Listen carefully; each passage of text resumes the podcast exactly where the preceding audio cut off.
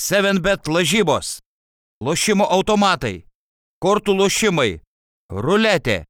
7bet. Dalyvavimas azartiniuose lošimuose gali sukelti priklausomybę. Būkite pasveikinti sulaukę 2023 metų visiems pačios geriausios kloties ir pačių sėkmingiausių, rezultatyviausių ir NBA iškiausių metų, kokie tik tai gali būti dabar, kokie tik tai gali būti bet kada.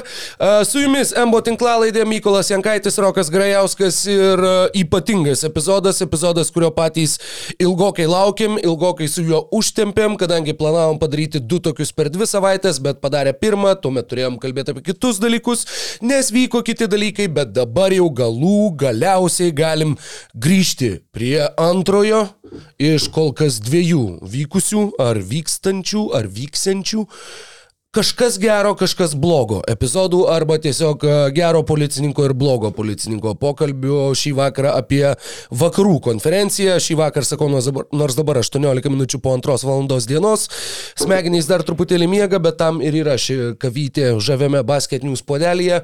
Ir uh, prieš tai mes be abejo vis vieną turėsime pakalbėti apie tai, kas nutiko šią naktį, nes šią naktį buvo labai gera naktis pasirinkti pasėdėti prie NBA krepšinio, taip iš smalsumo, po truputį, o Filadelfija su pelikanais, o taip jau į galą kažkaip nelabai įdomu, bet tada vienas po kito pradėjo lyst, vienas už kitą įspūdingesni pasirodymai, įvykiai, scenarijai ir šią naktį Lebronas Džeimsas sumetė 43 taškus, Prie, prieš tai praeitose rungtynėse sumetęs 47 per savo 38 gimtadienį. Dabar tai yra visiškai antraplanis dalykas. Šią naktį Damaras Darozanas sumetė 44 taškus, ir mes apie tai irgi visiškai nešnekėsim. Šią naktį Clay Thompsonas sumetė 50 keturis, jeigu nesumeluosiu, ar keturis ar šešis, su kiek jisai mm, baigė. Ir apie tai biški šnekėsim. Apie Nes tai, tai jau visiems visai įspūdinga. Jo, ir apskritai įspūdingas, uh, įspūdingas rungtynių scenarijus Golden State Warriors Atlantos Hawksus namie nukalė po dviejų pratesimų, po irgi įspūdingo išsigelbėjimo, bet dar įspūdingesnis išsigelbėjimas ir dar įspūdingesnis pasirodymas ir apskritai vienas įspūdingiausių mano matytų, va taip pat bent jau, bent jau pabaigoje pabaigoje, kai prisijungi matyti tiesiogiai. Pasirodymų gyvenime. A, tai Clevelando Cavaliers rungtynės su Chicago's Bulls taip pat buvo pratesimas, bet tik tai vienas. Ir Donovanas Mitchellas a, įrašė savo vardą į NBA istoriją. Tai tu matai ten ketvirto kelnio pabaigą pratesimą. Aš pratesimą, tik tai pratesimą. Ai, tai nes norėjau paklausti tavo reakcijos, kai jis eina prie baudų metimo linijos, žinai, turint omeny ypač, nu, man atrodo visiems, kad su ta uh, dopingo ar ne, emocinio doze, kurią mus paliko World Cupas, kai tu galvoji, kad, nu, utopinis scenarius dabar kažkoks uh, dėl teatro jis ir turi išsipildyti, nes, nu, čia taip vyksta sporte. Tai tikrai, e, kai Mitčelas stoja mesti baudų ir tada galvoja, nu, lemba, šitaip siautė, nu, tikrai jis prames ir pakartos kaip Dončičius. Žinai, toksai, e, turbūt taip turėjo būti, aš tai aišku, miegojau mane labai sėkmingai e, tam paskatino pirmai, pirmasios vakaro rungtynės tarp Niksų ir Sans. Oi, čia oi. buvo, jo, žodžiu. Teisingai. Aš, aš jau buvau tą užblokavęs kaip tokį, žinai, ne, nemalonų atsiminimą, kurį pasąmonė nustumė kažkur toliau. Jo, bet buvo pra, labai blogai. Bet pratesimo metu Mičelas ten iš esmės jau vienas žaidė. Jo, e, pratesimo metu 13 taškų ir keli ir vienas rezultatyvus perdavimas, turbūt taip. Jeigu nesumeluosiu, o apskritai per visas rungtynes ir taip, Donovanas Mitčelas, uh, užbaigiant tą tavo, tavo pradėtą ketvirto kilinuko pabaigos scenarijaus nupasakojimą, pataikė pirmą baudą, prametė antrą, kai komanda atsilikinėjo trimis taškais ir iš tikrųjų už pakartojimą matosi, kad jisai uh, metimas neturėjo būti įskaitytas. Jisai žengė į baudos aikštelę, jis peržengė baudos metimo liniją, kai kamuolys dar nebuvo lietęs nei lanko, nei lentos, nei absoliučiai nieko. Uh, tad iš tikrųjų tas metimas turėjo būti neįskaitytas, bet jisai taip pat sugebėjo pamest kamuolį taip, kad šis atšoktų jam tiesiai į rankas ir tokiu irgi akrobatiniu metimu išlyginti rezultatą ir išplėšti pratesimą. Iki ilgosios pertraukos tose rungtynėse Donovanas Mitčelas turėjo 16 taškų. Turite, nu, 16 taškų iki ilgosios Dar pertraukos. labiau nesuvokiama iš tikrųjų. Po ilgosios pertraukos, įskaitant ir pratesimą, jisai surinko 55 ir visos sumetė 71 tašką, tai yra 7, atsiprašau, 15 iš 19 dvitaškių. 15 iš 19 Donovanui Mitchellui, ne kokiam centrui, nekam. 7 iš 15 tritaškių, 20 iš 25 baudų, 8 atkovoti kamoliai, 11 rezultatyvių perdavimų, 1 blokas, 4 klaidos, 3 pražangos. Tai yra e, rezultatyviausias NBA pasirodymas nuo Kobės 81, amžinatilsi Kobei. Ir e, tuo pačiu tai yra pirmas kartas NBA istorijoje, kai kažkas sumetė bent 70 taškų ir atliko bent 10 rezultatyvių perdavimų. Tai yra, ta prasme, žiūrėjau vėliau e, visų rungtynių santrauką, būtent Mitchelo žaidimo epizodus. Būtent tai labiausiai ir stebino, kad nu, tai nebuvo, vat, kaip Kobe išėjo Jaileno Rauzo nužudyti rungtynėse su Raptors. Nes Rauzas kažkada jį bandė specialiai sutraumuoti. Ai, 2000-ųjų finale Lakers prieš Pacers. Bandė padaryti Zaza Pačiuliją, Kawhi Leonard. Tai čia po šešių metų Kobe tokia... Po šešerių metų nežinau, kodėl Kažkaip būtent tada. šitą... Bet buvo, tas, tas buvo epizodas tarp jų ir uh, jo. Kobe tenai išėjo žudyti, Kobe tenai nekūrė komandos draugam, Kobe atliko du rezultatyvius perdavimus Įdomu, kiek rungtynėse. perdavimų atliko. Vat, e, Mm, ne- Bent jau tam half court uh, offense. Manau, kad labai nedaug. O Mitchellas tikrai kūrė, atmetinėjo kamuolius, 11 rezultatyvių perdavimų. Apskritai, uh, Vilto Chamberlaino 100 taškų buvo su dviem rezultatyviais perdavimais. Tai viso jisai sukūrė 104 taškus komandai. Donovanas Mitchellas šią naktį sukūrė 99 taškus. Tai yra antras variantas istorijoje. Tai yra 99 taškus tiesiogiai sukūrė vienas žaidėjas NBA rungtynių metu. Tai yra tiesiog trūksta žodžių apsakyti ir, ir sėdėjau visiškai apstulbęs ir seniai nebuvau toks apstulbęs dėl NBA rungtynių kažkokio rezultato ar pasirodymo. Tiesa, žaidė Mitchellas 50 minučių, Garlandas nežaidė šiose rungtynėse dėl traumos, Garlandas nežaidė septintose rungtynėse šiame sezone, Cavaliers rezultatas tose rungtynėse yra 7-0. A, Šiaip įdomi detalė. Ir jo, Donovanas Mitchellas yra visiškai, visiškai išprotėjęs bičias, pačia geriausia tų žodžių prasme. Ir kai tu žaidži 50 minučių p- pratęsime, tai ir e, tu mėtai stebekus e, nuo tri- nuo trijų taškų keurus keurus. Ir, tai- tik, ir prabėgi pro kitus kaip pro stovinčius. Į- tai atrodė, parodo du- du dalykus, Jis buvo e, visas rungtynės. Bet žinok, iš tikrųjų, nu, negaliu sakyti, kad taip ir buvo, nes čia yra istorinis pasirodymas, bet, na, į bulių gynybą atrodė kaip, sakykime, taip kaip aš galvojau, kad jinai atrodys, kai mm, buvo praeitas tarp sezonis, man dabar čia sunku pasakyti, ar vasara, ar, ar ruduo, bet, nu, prieš praėjusių metų sezoną. Ir tada jie visi ten mus nustebino su tikrai kibė gera, organ... gera talento atžvilgiu organizuota gynyba, bet čia po krepšiu galėtų būti stovėjęs Laurinas Birutis ir blogiau nebūtų buvę. Nu, ta prasme, tikrai Nu, a, Nikola Vučevičius pasistengė a, labai ženkliai, kad e, Mitčelas apturėtų tą karjeros pasirodymą ir a, jis, Mitčelas nebuvo nuvargintas tikrai. Būtent gal dėl to, kad pirmoji rungtynių pusė jis kaip tik pradėjo lėčiau, nu, kaip lėčiau 16 taškų, bet e, nemetė kažkokių ir, ir Čikagai pakankamai neblogai sekėsi, tai nebuvo ypatingas spaudimas jam daromas, e, kad e, kažkas kitas turėtų mesti. Jie vienu metu turėjo plus 21, man atrodo, Čikagos Bulls Jo, pirmojo nu, pusėje. Tiesiog čia patirta rungtynių tekmė taip lėmė, kad Mitčelas įsisiautėjo. Būtų, būtų antras pratesimas buvo, aš nežinau, jis 20 ten per jį būtų sumetęs. Paskui jau nebegalėjo. Buliai pramesti tiesiog neįmanoma. Pratesimas baigėsi 4-15. Taurisme, Mitčelas sumetė 13 ir atidavė vieną asistą. Dėl to asisto nesu tikras, bet tikrai sumetė Mhm. 13 pratesime, kai buliai sukrapštė 4. Taip, tai, nu, wow, wow, fantastinis Mitčelo pasirodymas ir um, mes čia truputį į- įdomu, kas vyksta. Ar, ar vyksta infiliacija dabar šitų įspūdingų pasirodymų, ar jie tiesiog supuolė. Nes nu, anksčiau būdavo, tu atsikeli ryte, įsijungi, pra, ten telefono ekranas apšviečia tau veidą, tu kaip kurmis ten žiūri, e, pamatai 40 taškų jau spūdinga, 50, tai tu iš vis tada jau, jau siunti kažkam tą eilutę, žinai, rungtynių.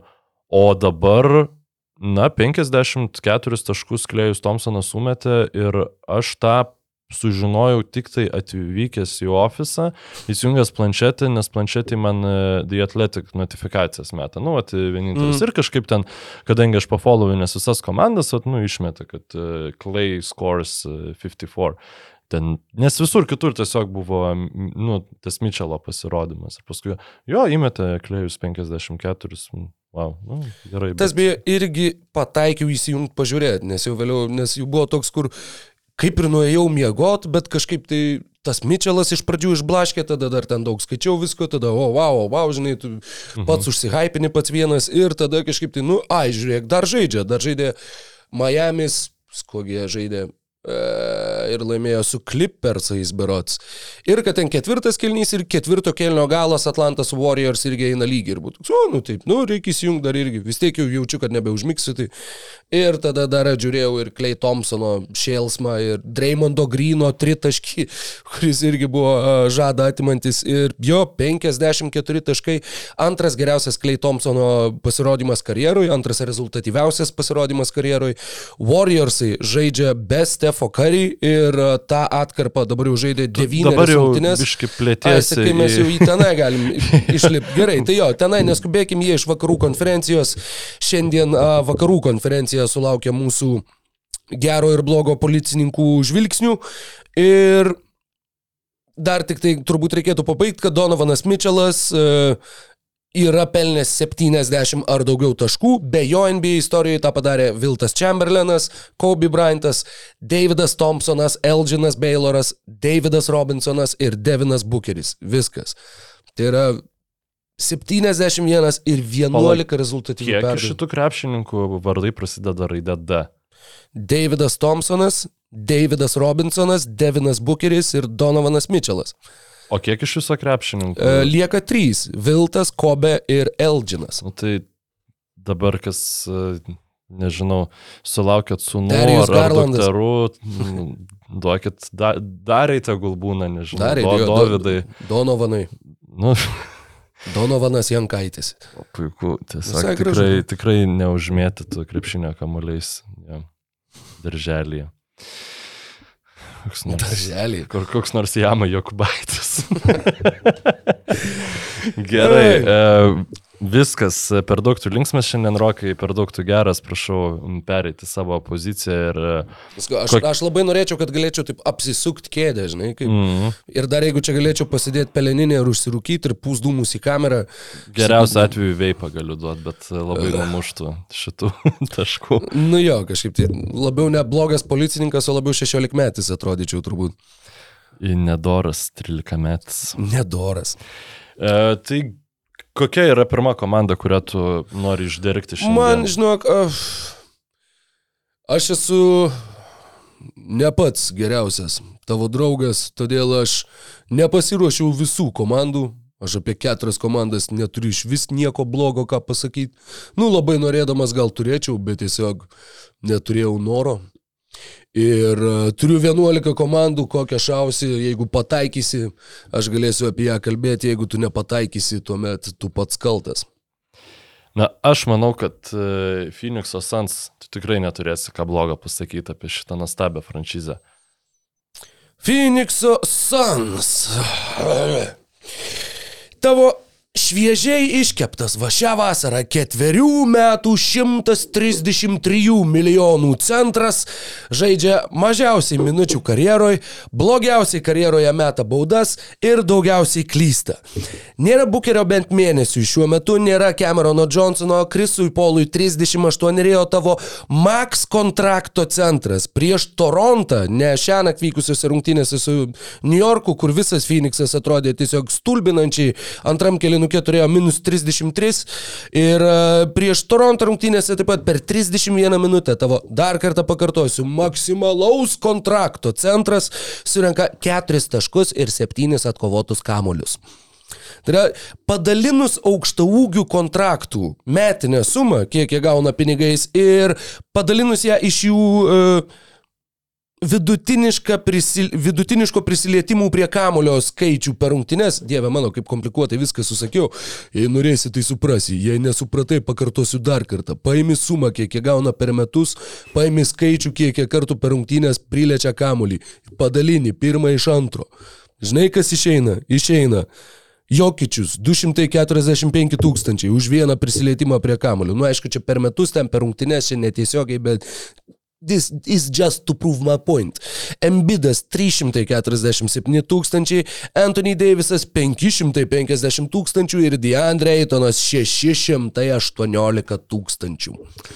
Labai prabangus prisilietimai prie kamulio, bet uh, kolega, nu, taip tu numoji ranką tą bukerio traumą.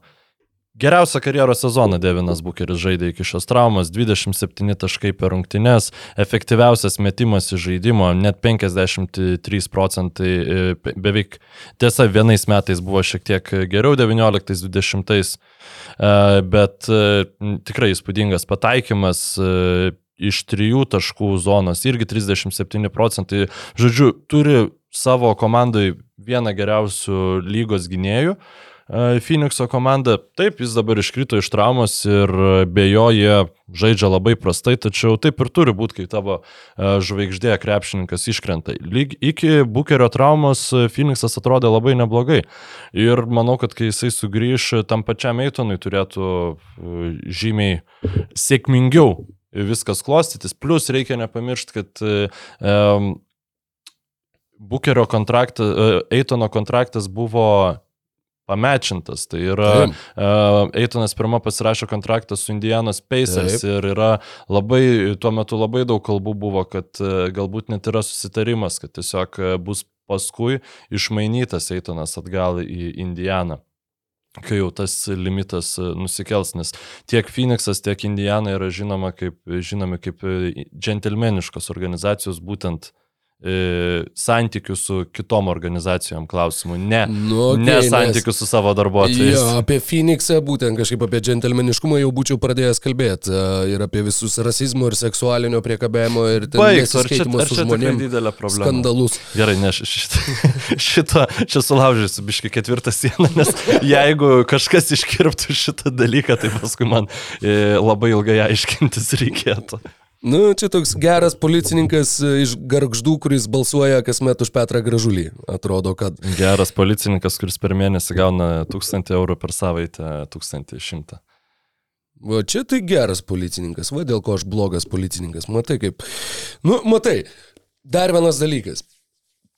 38 jau metai Krisui Polui ir Krisas Polas turėtų būti tavo netgi ir iškritus bukeriui ar neiškritus bukeriui Turi būti tas žmogus, kuris puikiai vat, žaidžia įtemptose situacijose savo, turi tą mirtiną metimą iš vidutinio nuotolio.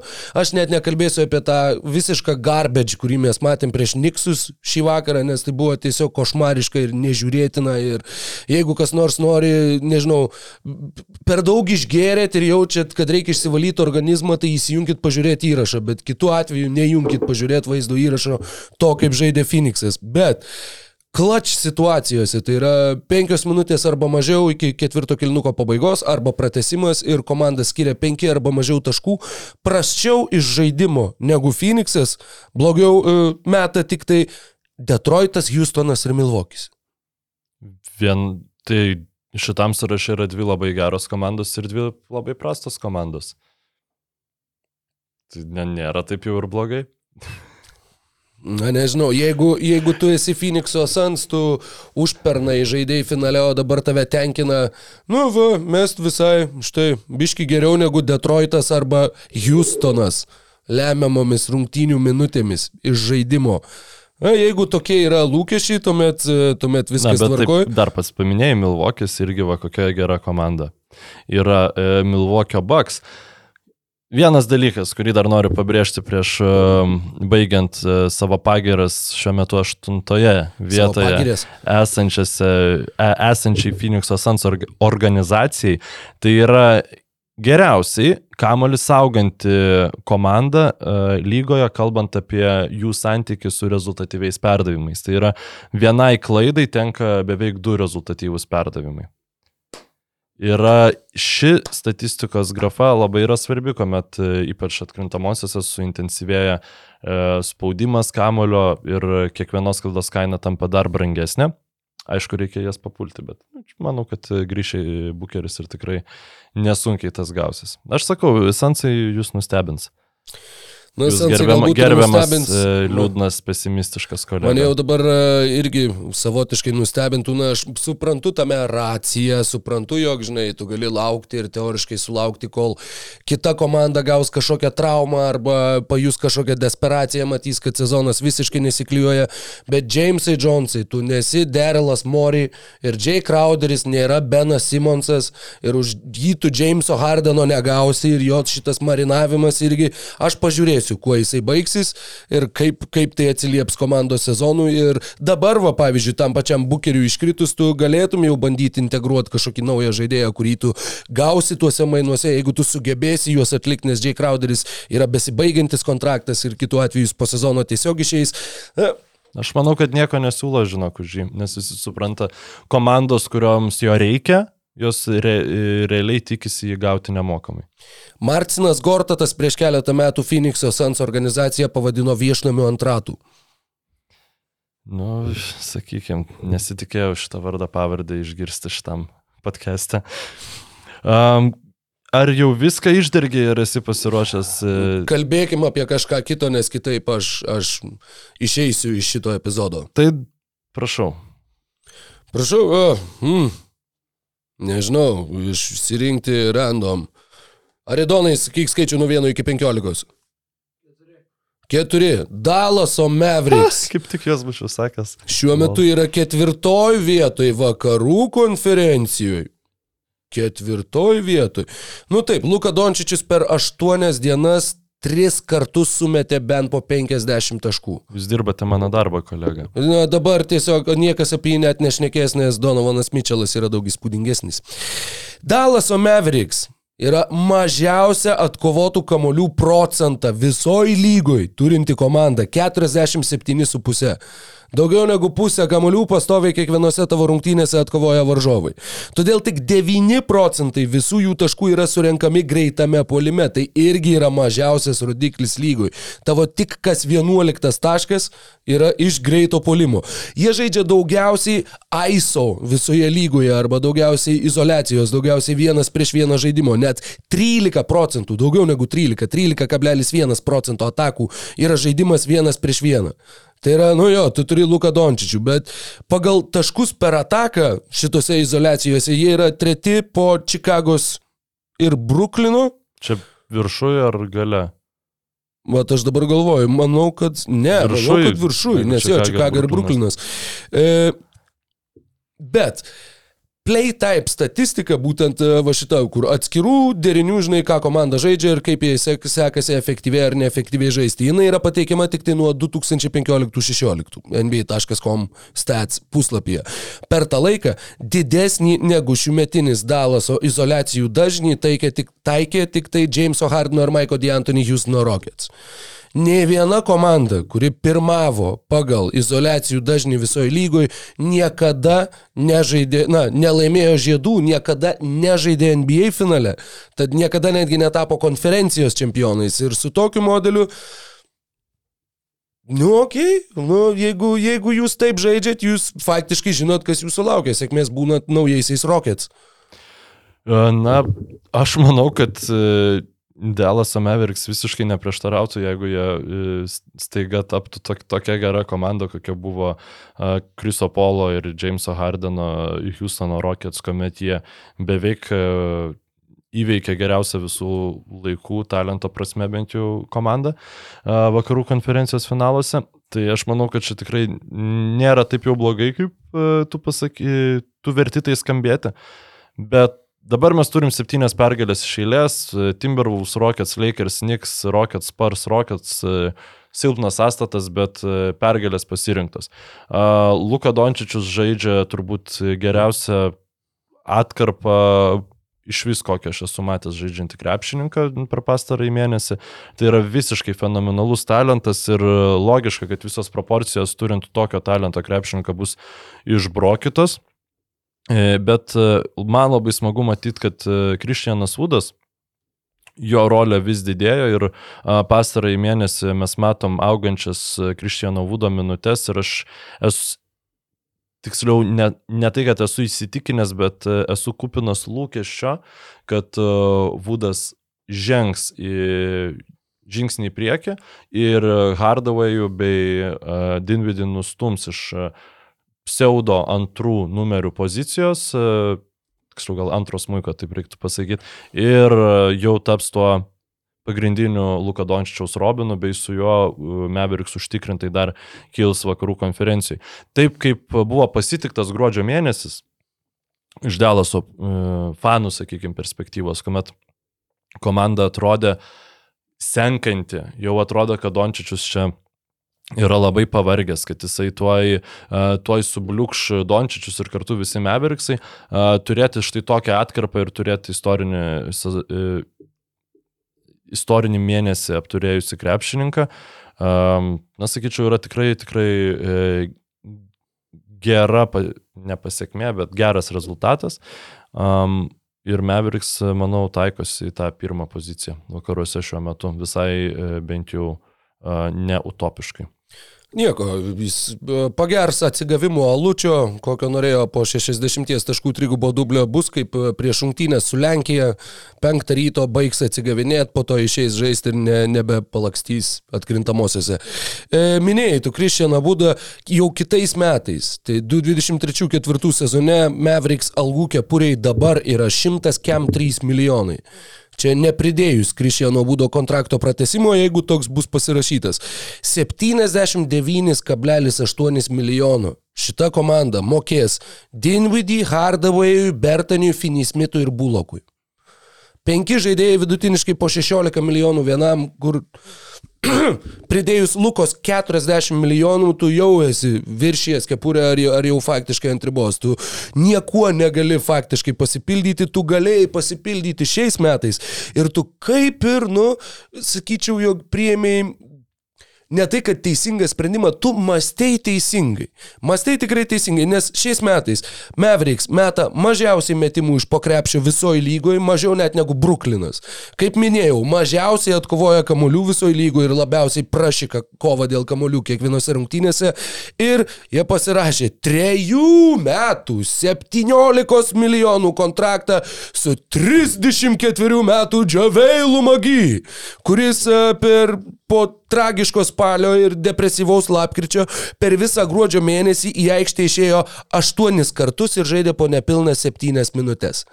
Tu turi trejų metų dabar, nuostabų, 17 milijonų kontraktą, puikiai, Nu, tiesiog puikiai, nusimes team building masterpiece. Taip, kaip nusimes ir Bertanį, ne? Ir Nu, nusimes dar Bertane visų- kontraktas biškai didesnis negu Magi.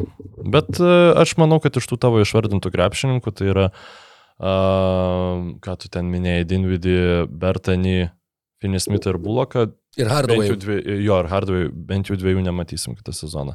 Dėlase ir jiems net dėl to nebus blogiau. Taip, šita komanda a, labai kenčia dėl to, kad a, prieš tai nesudirbo su Bransonu ir jis tiesiog net nu, nebesuteikė jiems progos a, sumokėti jam pinigų, nes žinom, kad Kubano kišenės yra gilios ir jam prabangos mokestis Ir nėra tugi problema. žinojai, tu visą laiką žinojai, Niksai fucking bičio tėvą pasisamdė dirbti pas save treneriu. Nu, tu žinojai, kad jie mes jam nesveikai daug Prarado pinigų. antro rato šūkimą Niksai. O ne, o ne, tik ne tai. E, Viskas čia bus gerai. E, Nepasakyčiau, kad labai prašiau Dalasas dabar atrodo be Bransono, bent jau reguliariam sezone, o atkrintamosiose panašu, kad jie turės šansų įrodyti, kad tam esate neteisus. Kita komanda, mm, iš tikrųjų prisipažinsiu, buvo komandų, kurias, na, pamatyti tą spalvingą, šviesę giją jų sezone buvo šiek tiek sudėtinga.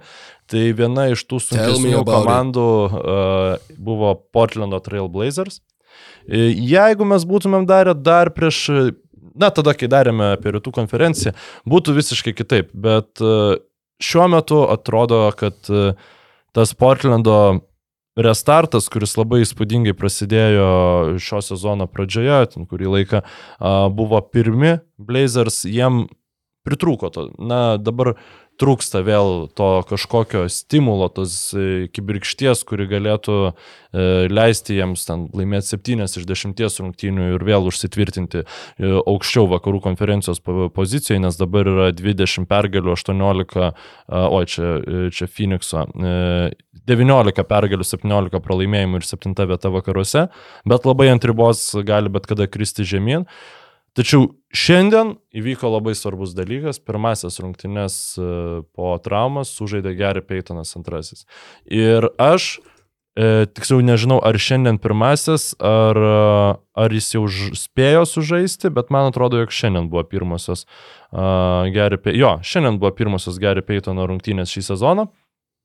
Ir aš um, labai dedu didelius lūkesčius į tai, jog e, Gary Paytonas antrasis bus ta kibirkštis tiek gynyboje, e, tiesiog geras krepšininkas gynyboje, kurio labai reikia, tiesą sakant, daugeliu komandų, bet ir būtent taps to stimulu, kuris lems e, Portlando šuolį į tą aukštesnę lentyną vakarų konferencijoje, nes talento, talento tam Portlandai yra.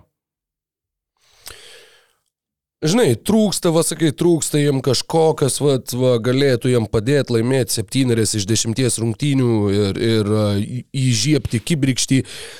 Praeitą vasarį, tai yra prieš metus beveik, prieš 11 mėnesių, Blazeriai atidavė Normaną Powellą ir Robertą Covingtoną Los Angeles Clippers klubui už Eriką Bledsoe, kuris pulled ant Andrei Godalą ir net netvarė į Portlandą, tiesiog, ne, nafik, aš ten net nežadu žaisti.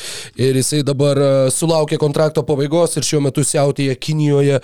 Uh, bei gavai komandoje vis dar esančius ir atitinkamai 41 bei 39 procentų taiklumu iš žaidimo atakuojančius Justisą Winslow ir Kioną Johnsoną bei 2025 Detroito antro rato šaukimą.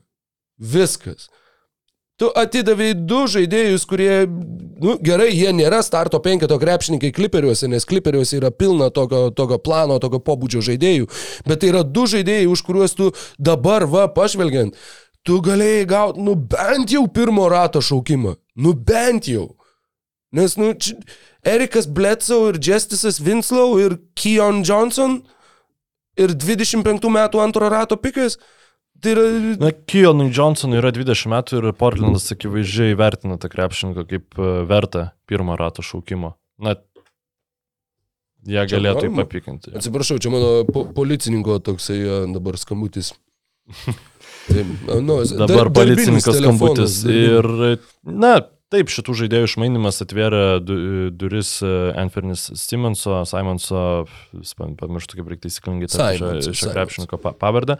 Ir Pla, platesniam, e, žodžiu, e, plaikstimuisi ir e, taip pat, e, na, Šeidonas Šarpas buvo pasišauktas ir norima jo nedaryti iš jo Jonatano Kumingos ir e, duoti jam kuo daugiau minučių, tai tiesiog su Pavelu Covingtonu tu negalėtum viso to sukišti. Ir tas formatas jisai neveikia, kol yra Lillardas, jie norėjo pabandyti dar sįki kažkaip kitaip sumesti tą kortų kaladę, nebūtinai galbūt e, net su šiek tiek mažiau galingomis kortomis, bet vat, galbūt geriau jos dažniau iškristų tą reikiamą kombinaciją, kuri leistų uh, laimėti uh, tą, tėvai, kas čia dabar su kortom labai seniai žaidžiau, kas ten yra partija, jo, tą partiją.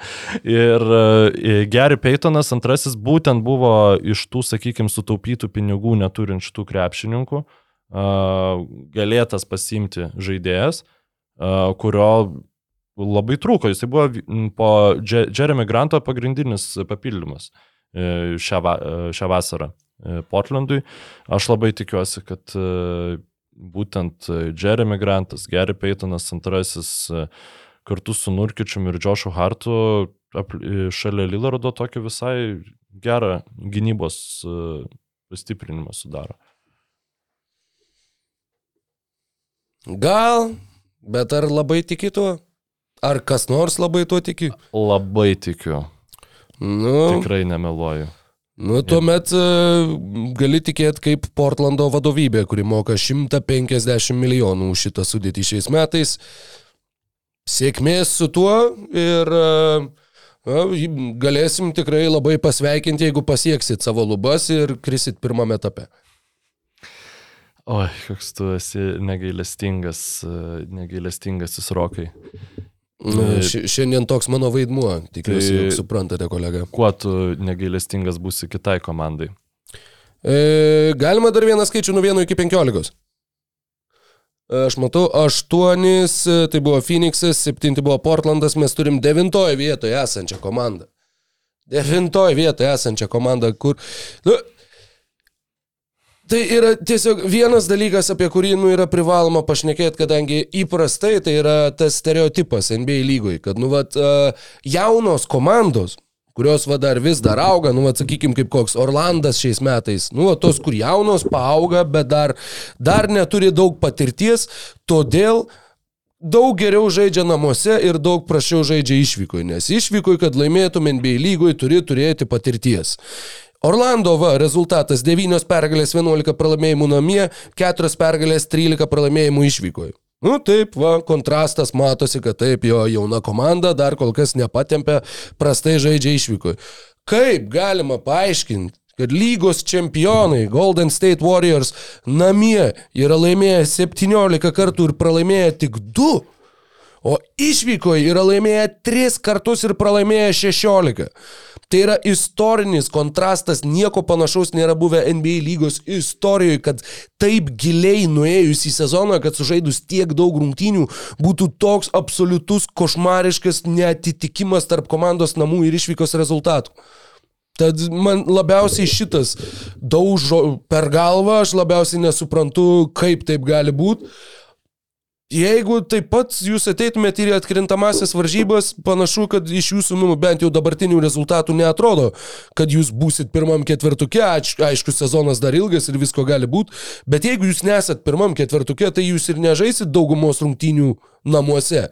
Jūs žaisit daugumą rungtynių išvyko, jeigu jūs ateisit su tokia sportinė forma, ačiū už dalyvavimą, pirmas ratas, labanakt, gero tarp sezonio. Arba įkrintamosiose, jeigu užimsi aštuntą arba dešimtą vietą.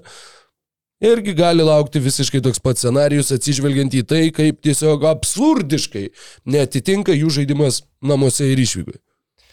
Visiškai nesvarbu šitą statistiką, visiškai nesvarbu e, tai, kas įvyko šio sezono pradžioje. Aš esu įsitikinęs, kad Warriorsai ne tik, kad e, žais atkrintamosiose, bet kad jie bus viena geriausių komandų juose. Kas mane leidžia tai e, tuo tikėti. Geriausi e, ir paimkim keturis geriausius e, starto penketus lygui. Ne starto penketus, bet pagrindinius penketus. Tai yra uh, penketai, kurių, kuriuose, uh, kurie kartu žaidė šį sezoną bent daugiau negu šimtą minučių. Mhm. Ir, na, kas iš esmės yra geriausi penketai lygui. Ketvirtoji vietoje yra Bostonas Celtics, geriausia komanda lygoje šiuo metu. Jų starto penketas spėčiau. I- Jų penketas Horfordas, Martas, Braunas, Teitumas ir Derekas Vaitas. Tai jo, starto penketas. A, trečioji vietoje yra šio sezono stebuklas Jūtos Jazz, Kelly Linikas, Clarksonas, Lauri Markaninas, Colinas Sextonas ir Jaredas Vanderbiltas. Čia pagal net reitingą. Antroje vietoje yra Denverio Nuggets, e, tai yra Nikola Jokičius, Aaronas Gordonas, kuris žaidžia nuostabų sezoną, uh, Kentavius Caldwell Pope, Jailenas Murray ir Michaelas Porteris jaunesnysis. Pirmoji vietoje ir tai net nėra arti. Ta prasme, uh, Celticsų net reitingas yra 15,6. Uh, Džiazų uh, tuo penketo net reitingas yra 15,7. Uh, 7. Denverio Nuggets uh, net reitingas yra 16,0 to penketo. Komandos, kuri yra ten šūdų malūnas ir niekur ten e, svečiuose nesugeba laimėti ar panašiai, penketas, kuriame yra Kari, Thompsonas, Grinas, Wigginsas ir Lūni, jis yra visiškai geriausias lygoje ir jo net reitingas yra 23. Tai yra mm, toliau tą čempionišką e, žaidimą momentais išlaikanti komanda.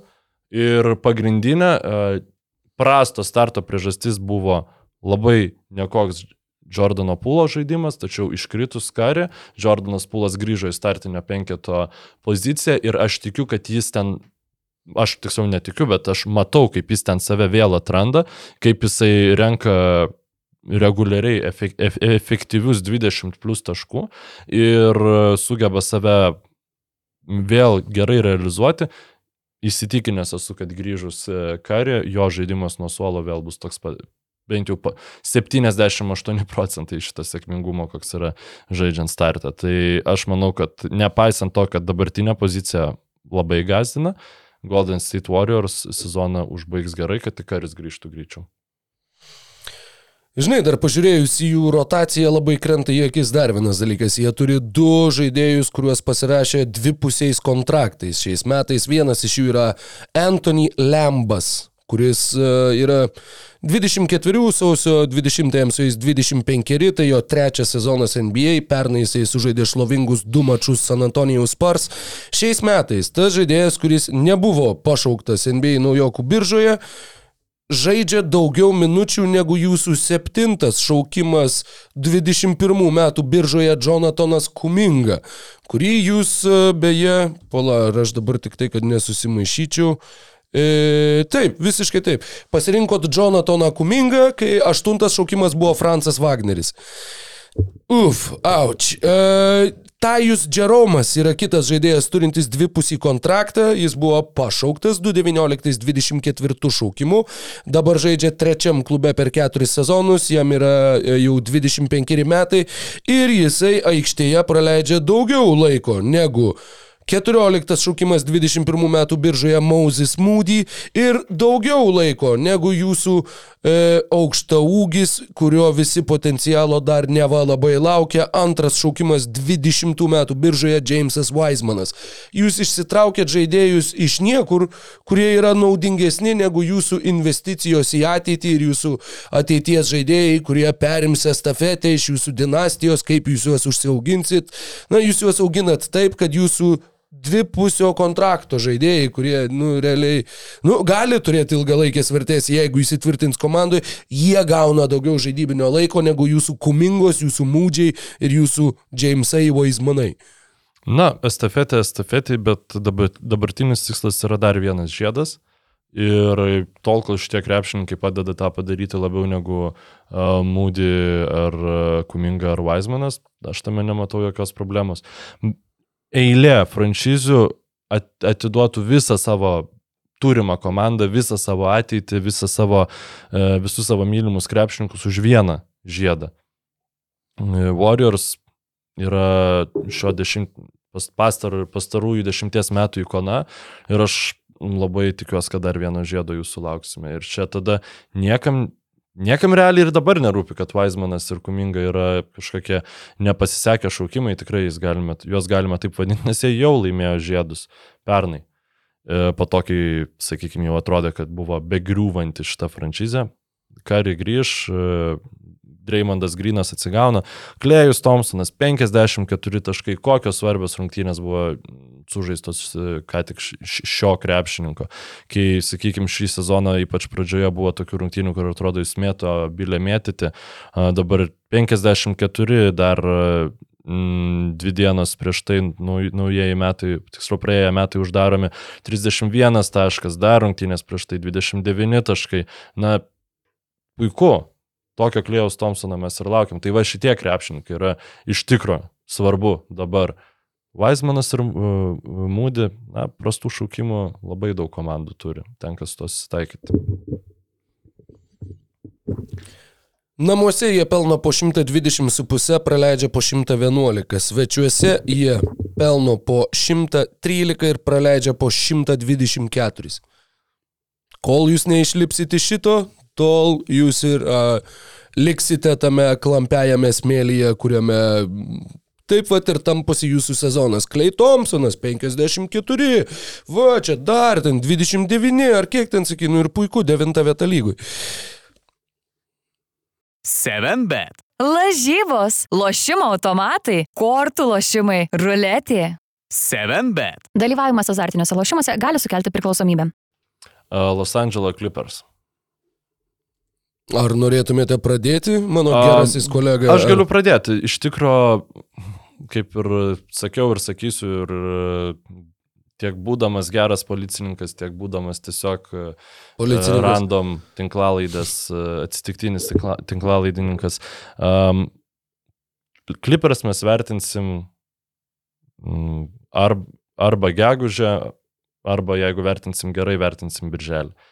Ir e, kad juos mes galėtumėm vertinti, viskas priklauso nuo vieno krepšininko. Ir aš noriu labai pasidžiaugti, kad yra mėnesis, mėnesis, kai Kawhi Leonardas nepraleido ne vienų rungtynių dėl traumus.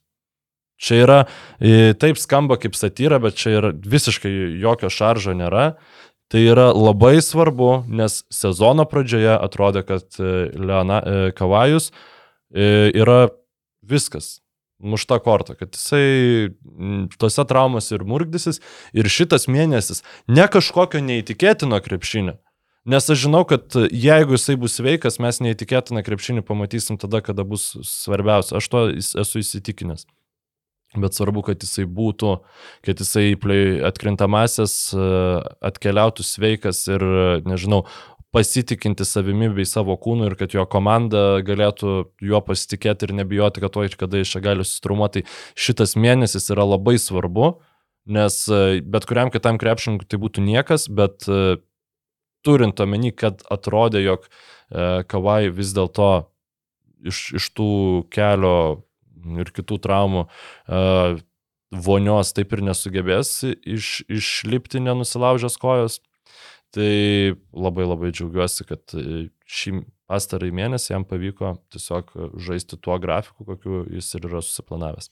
Mano mielas Mykolai, gruodžio trečią lygiai prieš mėnesį Kawhi Leonardas nežaidė prieš Sakramentą, prieš tai jisai buvo praleidęs dar penkerias rungtynes ir nuo gruodžio trečios e, Clippers viso žaidė 6, 7, 8, 9, 10, 11, 12, 15 rungtynių, iš kurių keturiose Kawhi Leonardo nebuvo. Taip, load management. Taip, back to back rungtynės e, Taip, trejos tai ir dėl to tuo aš pačiu... sakiau, dėl traumos. Jo, ir šią naktį jis nežaidė, bet nežaidė dėl lygos. Na, tas load management, dėl traumos.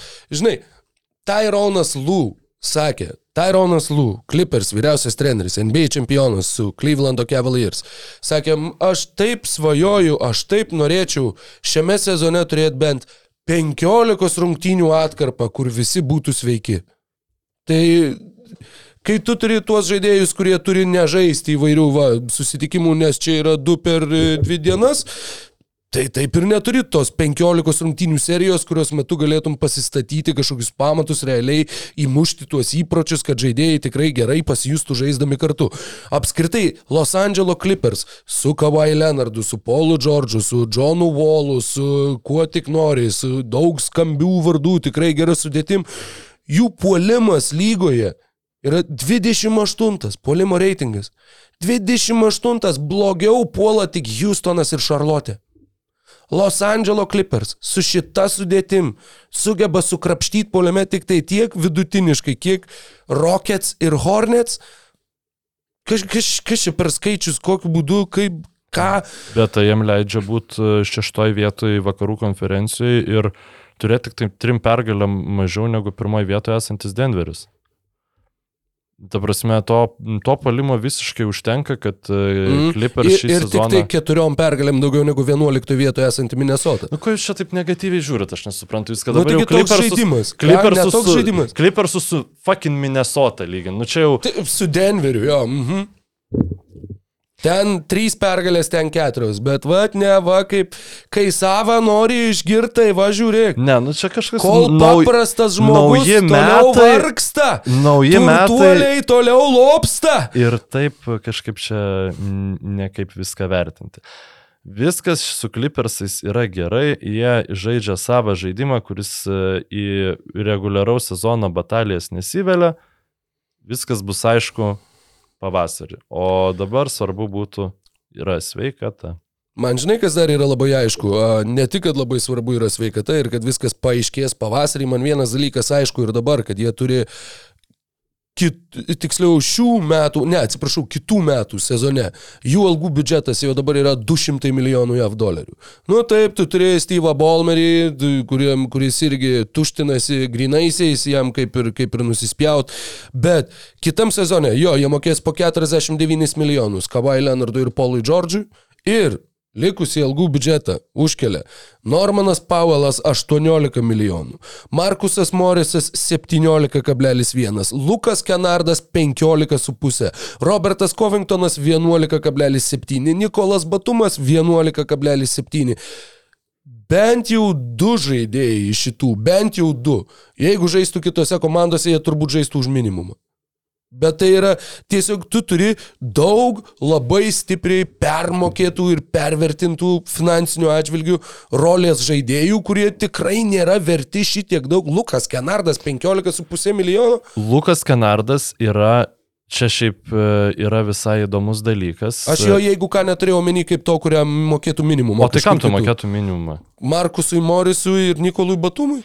Netikiu, kad bent penkių komandų nebūtų, kurios tą mid-level exceptioną duotų šitiem krepšininkam. Tai, tai yra, abu du krepšininkai yra tok, būtent tose pozicijose taip žaidžiantis, kurių a, tikrai labai reikia atkrintamosiose.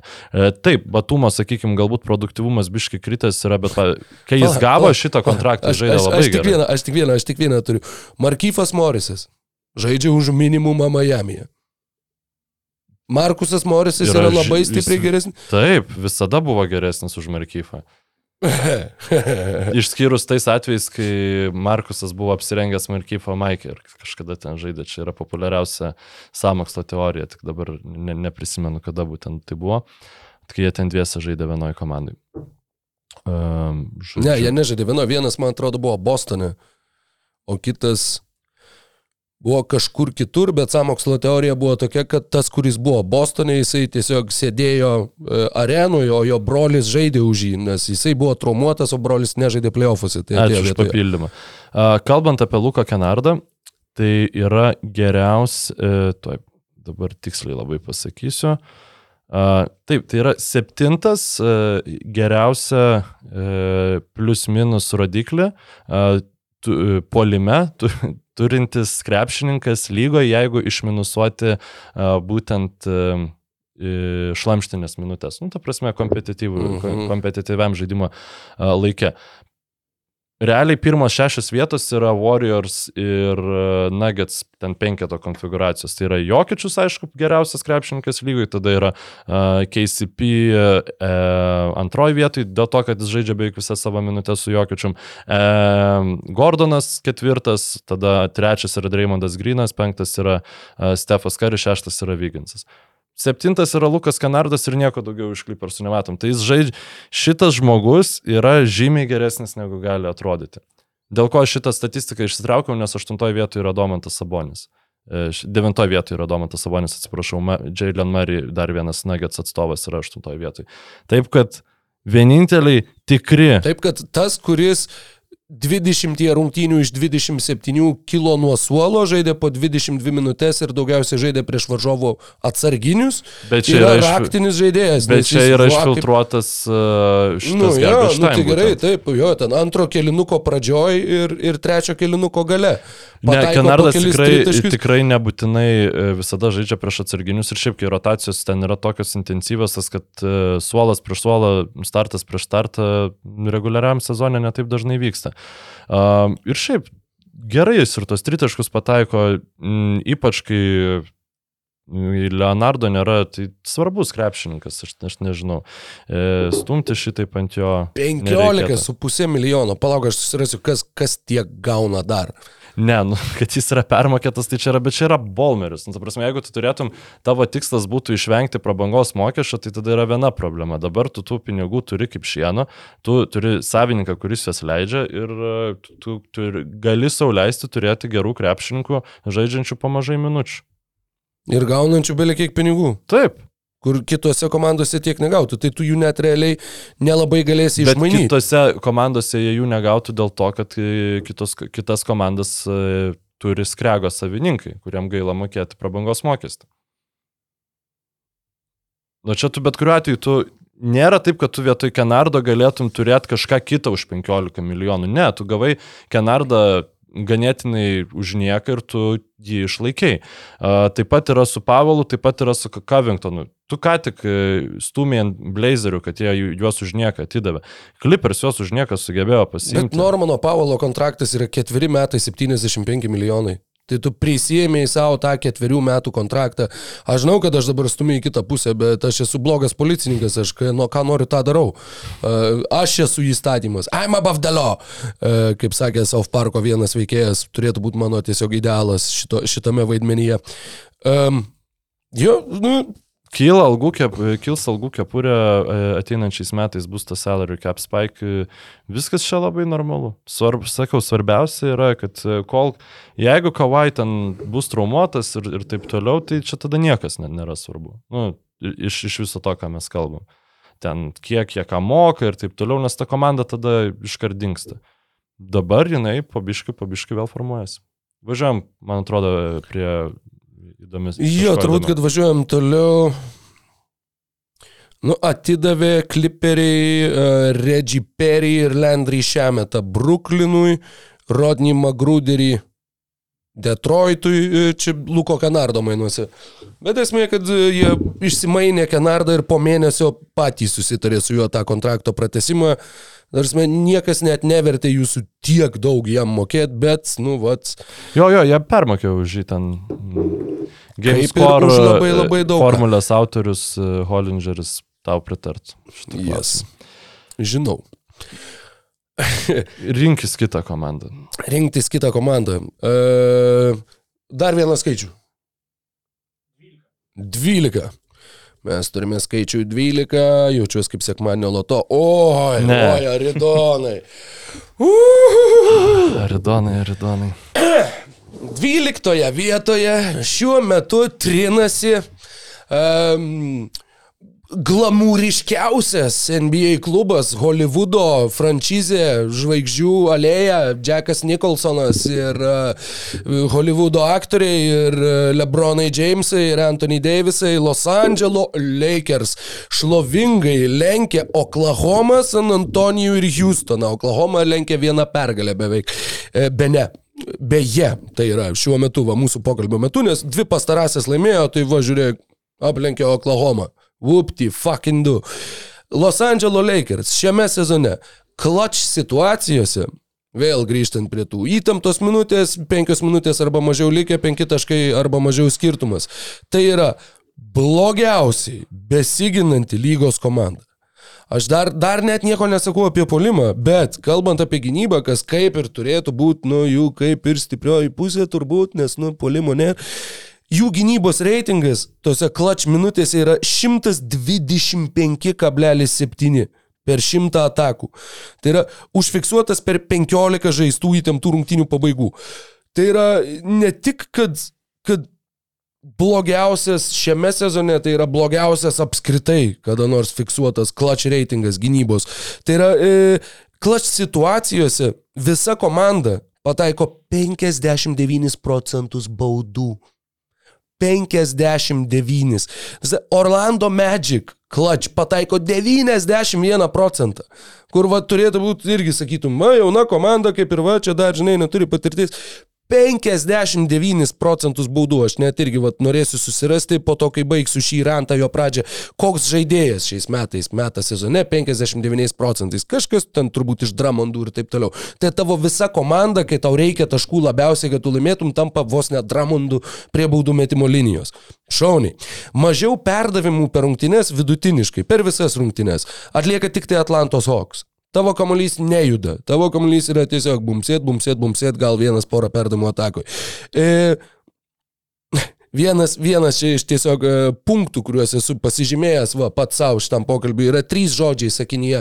Tiesiog perskaityti sudėti. Tai, bet šitą dar galėsim padaryti kiek vėliau.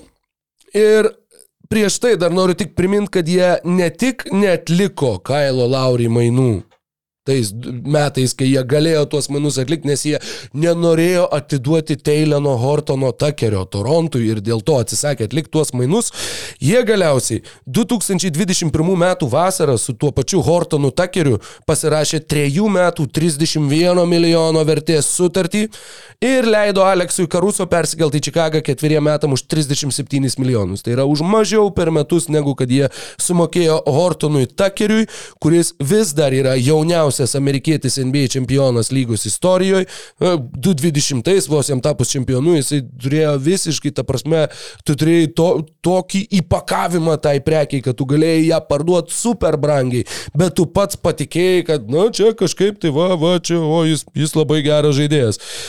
Vėliau tu jį išmainiai už fucking Patriką Beverly. Kai tu galėjai turėti, va, jo, nu gerai, Kailas Laurijo, ne, ne, nesiriškim prie to paties, dabar jisai Miami'e irgi jau matosi, kad smėlis uh, byra iš pasturgalio. Bet... norėtų, kad jie nebūtų atlikę tų mainų, man atrodo. Tai va, tai man, bet jo, praėjusiais metais Taylan Horton Tuckeris kartu su Stanley Johnsonu buvo iškeistas už Patriką Beverly. Kai Lakers laimėjo žiedus, tai buvo 220 metai. Tai buvo net ne prieš dviejus su pusę, kadangi buvo visas burbulas, tai buvo kas, rūpiučio mėno turbūt, rūpiučio rugsėjo. Tai yra kas, 28 mėnesiai maždaug praėjo nuo tada, kai jie laimėjo žiedus.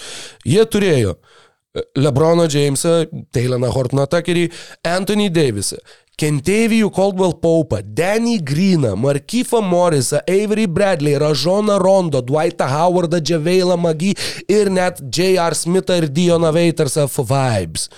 Dabar jie turi Prie AD ir Lebrono turi prie pastarojo absoliučiai katastrofiškai netinkantį Russellą Westbrooką, turi Lonnie Walkerį, Denisą Šriuderį, Patriką Beverly, Kendricką Nuną, Austiną Reevesą, Tomasą Bryantą, Damianą Jonesą ir Juaną Toskano Andersoną. Dar prie visų šitų įmų, ta prasme, jau dabar lyginant tą sudėtį, kuri buvo su šita sudėtimi, atrodo, kaip tu per 27 ar 8 mėnesius sugebėjai taip tiesiog nusiristi ir nustekent visą tai, ką turėjai, visą tą brandulį, kuris va tiko prie komandos. Komanda, kuri moka gintis, gali pataikyti iš toli, daug žaidėjų, kuriem nereikia kamulio, kad jie būtų naudingi poliumėje metą tiesiog iš pagavimo dabar. Visiškai priešingai suformuota sudėtis. Dar vienas prisiminimas išlindęs buvo, e, jog 2019 metais tas pats Robas Pelinka e, gavo Maiką Muskalą iš Los Angeles Clippers, už jį atidavęs Michaelą Beasley ir Ivica Zubacą. Ar čia ne Medžikas Johnsonas? A, žinok, tuoj palagalėsiu pažiūrėti, bet Pelinka irgi tuo metu dirbo kartu.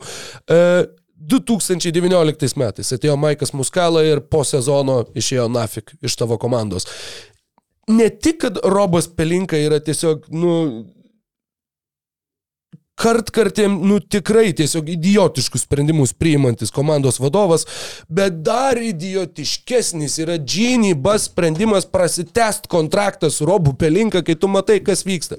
Aš nežinau, jie gal žiūri į bilietų pardavimus, jie žiūri, kad, o, žiūrėk, gerų padarėt, blėt, pliušinių žaisliukų, kuriuos va, visi perka mums dabar aukštesnės pajamos eina, nes tai, ką jie daro aikštėje, tai, ką jie daro su savo komplektacija, tai, kaip jie žaidžia šiais metais, 59 procentai baudų, kai tau labiausiai jų reikia, yra nu visiškas košmaras. Ir jie patys va dar pasirašė prasitęsti šitą Robo Pelinkos labai sėkmingą darbo periodą.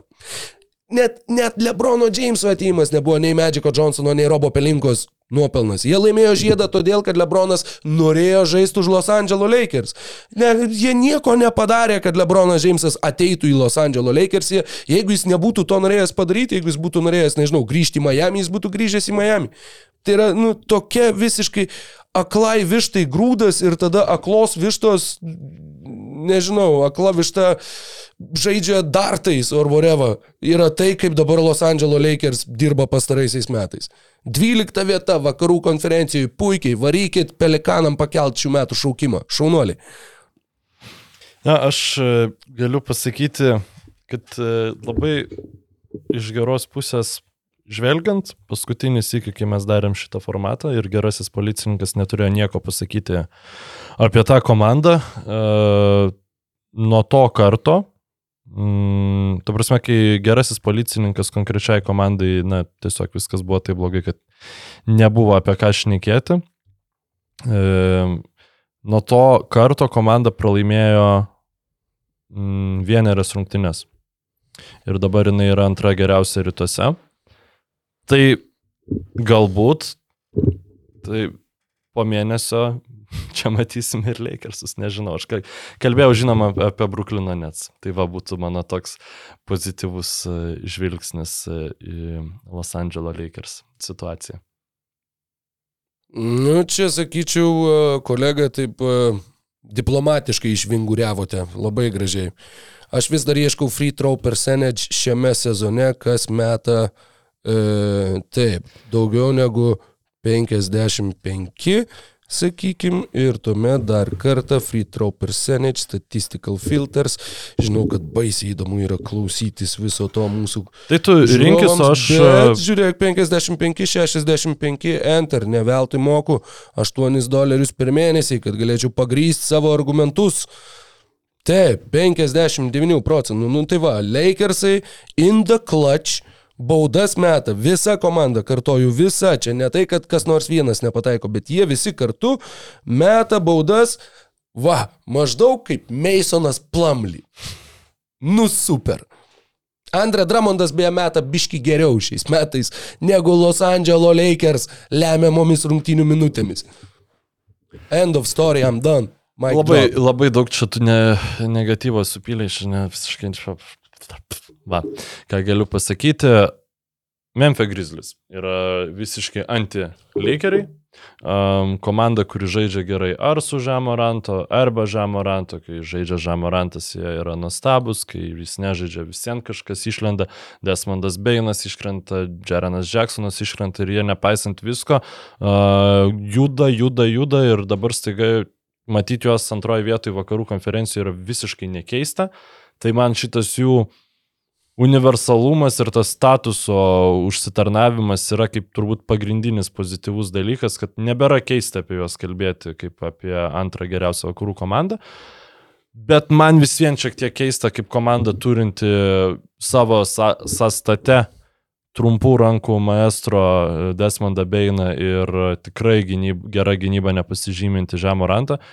Yra geriausia, gyn- geriausia net reitinga gynyboje pagal NBA.com turinti e, komanda Tai vakarų konferencijoje. gynybos reitingai turbūt. Nu taip, geriausia gynybos reitinga, bet pagal NBA.com, nes e, Basketball Reference e, biški kitiems duoda e, kredi- kredito šitoje vietoje.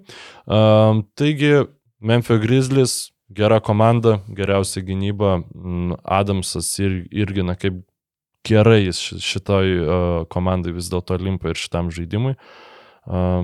Super, Jarenas Jacksonas jaunesnysis uh, atrodo, kad jau visai kaip ir uh, atsigauna po traumas, ži- žinoma, iki burbulinių skaičių, kuriuos jis ten demonstravo tą sezoną, mes turbūt niekada nepamatysim to ten nerealaus tritaškų pataikymo, bet realiai ir be to e, šita komanda turi labai daug potencialo. Tu juos pavadinai anti-Lakers, bet uh, pats pirmas dalykas, kurį aš užsirašiau apie juos, yra 71,4 procento baudų metimų ir tai yra blogiausias skaičius lygoje. Ne, bet žiūrėk, Stevenas Adamsas šiais metais baudas meta 33 procentų taiklumu. Nu, čia tiesiog taip sutapo, kad vat, ištraukiai komandą, kur irgi yra panašių, sakykime, Čia ne klač situacijose, čia tiesiog visame sezone. Adamsas 2016-2017 sezone, kai žaidė kartu su Domantu Sabonio Oklahomoje, dėl to atsimenu, nes žiūrėjau viską iš eilės, nes buvo žiauriai įdomu žiūrėti. Uh, jisai pradėjo pataikydamas, dar net pasitikslinau, nes atsiminiau, kad buvo vat, maždaug tokie skaičiai, tai buvo 22 iš 23 baudų. Jo sezono vidurkis galiausiai buvo 61. Nu gerai, irgi vos ne Dramondo lygio, bet, nu bet ne 33. Dabar jeigu sezonas pasibaigtų šiandien, Stevenas Adamsas taptų oficialiai blogiausiai baudas viename sezone metusių žaidėjų lygos istorijoje. Jokie Krisai Dudley tai blogai me- nemetė, Šakilas Onilas tai blogai niekada nemetė, kaip baudas meta Stevenas Adamsas. Kažkodėl būtent šiais metais. Memphis Grizzlių 2 prieš 2 derinys, kai ataką užbaigia aukšta ūgis. Tai yra, nu, yra pick and roll ball handler, yra pick and roll roll man. Tai yra būtent, kai, kai žaidžiama 2 prieš 2, leidžiasi aukšta ūgis link krepšio, jam yra atmetamas kamuolys, jų taškai per ataką, tai yra tokių atakų efektyvumas, yra antras visoje lygoje po Los Angeles Lakers. E, Bet Rečiau negu Memphis tokias atakas rengia tik tai Golden State Warriors ir Knicks. Tu turi labai labai efektyvų ginklą, kurį galėtum išnaudoti daug dažniau, bet tu tiesiog juo nesinaudoji. Ok. Uh, kalbant apie Džamorantą. Džamorantas spalį pataikė 56 procentus tritaškių. Lapkritį pataikė 30. Gruodį pataikė 24. Ir jo ta kreivė tiesiog rėžėsi statmenai žemyn ir nu, tokiais tempais, nu, iš- aišku, 56 nebuvo išlaikytinas rodiklis, bet, bet su tokiais skaičiais, uf. Ir dar vienas dalykas, tai yra pirmas kartas mano gyvenime, kai aš šnekėdamas, vat, irgi, kai tu atsidarai splits basketball reference, ten yra daug skirtingų, nu, tu nori pasižiūrėti, kaip kiekvienas mėnuo eina. Ten yra ir, pavyzdžiui, pagal savaitės dienas. Kiek, kaip žaidėjo statistika atrodo skirtingomis savaitėmis, savaitės dienomis. Džamorantas, tu man pasakyk, kad čia nėra e, Tusovčiko statistika. Žiūrėk, žiūrėk. Sekmadieniais jisai meta po 31 tašką. Pirmadieniais meta po 35, antradieniais meta po 35, trečiadieniais meta po 27, ketvirtadieniais po 22, penktadieniais po 23, šeštadieniais po 19. Bet, sek, tai koks sustovčikas, jeigu sekmadienį gerai varo? Nu tai penktadienį užblūdėjo gerai arba jau ketvirtadienį pradeda. Kad, kad tu šeštadienį meti vos ne dvi gubai mažiau taškų negu antradienį ir trečiadienį. The fuck is this? nu aš nuoširdžiai nesu matęs nieko, nieko, kas būtų verta dėmesio ir kad kažkur panaudotum kaip, vat, nu, vat, o kažkas įdomaus su tom savaitės dienom. Nu va, pirmą kartą gyvenimą pamačiau. Čia yra, skamba kaip topinis redito. Tu prasme, paten, paturi potencialą šitą ištrauką topiniam redito paustui, kai buvo su e, įrodymu, jog Jamesas Hardenas miestuose, kurie turi ge- gerą striptizo klubo kultūrą, žaidžia žymiai praščiau. Žodžiu, tai. Jo, jo, nebloga išvalga, bet e, puiku. E, kaip čia, siautek ir, ir, ir visose aikštelėse, ir šokio aikštelė, ir krepšinio aikštelė, ir tą žemą rantas labai sėkmingai daro. Nu, aš tau žemai kabantį vaisių numesiu dabar. Ar dar turite Memphis kažką? Ne, t- neturiu ir mes e, realiai turime nebaisiai daug laiko. Bet nebaisiai daug ir komandų. Jo, Liko, aš tai turiu palauk. Vieną, dvi. trys tau turėjo likti. Oi, nežinau, daugiau. Nu tai gerai, einam prie Minnesotos.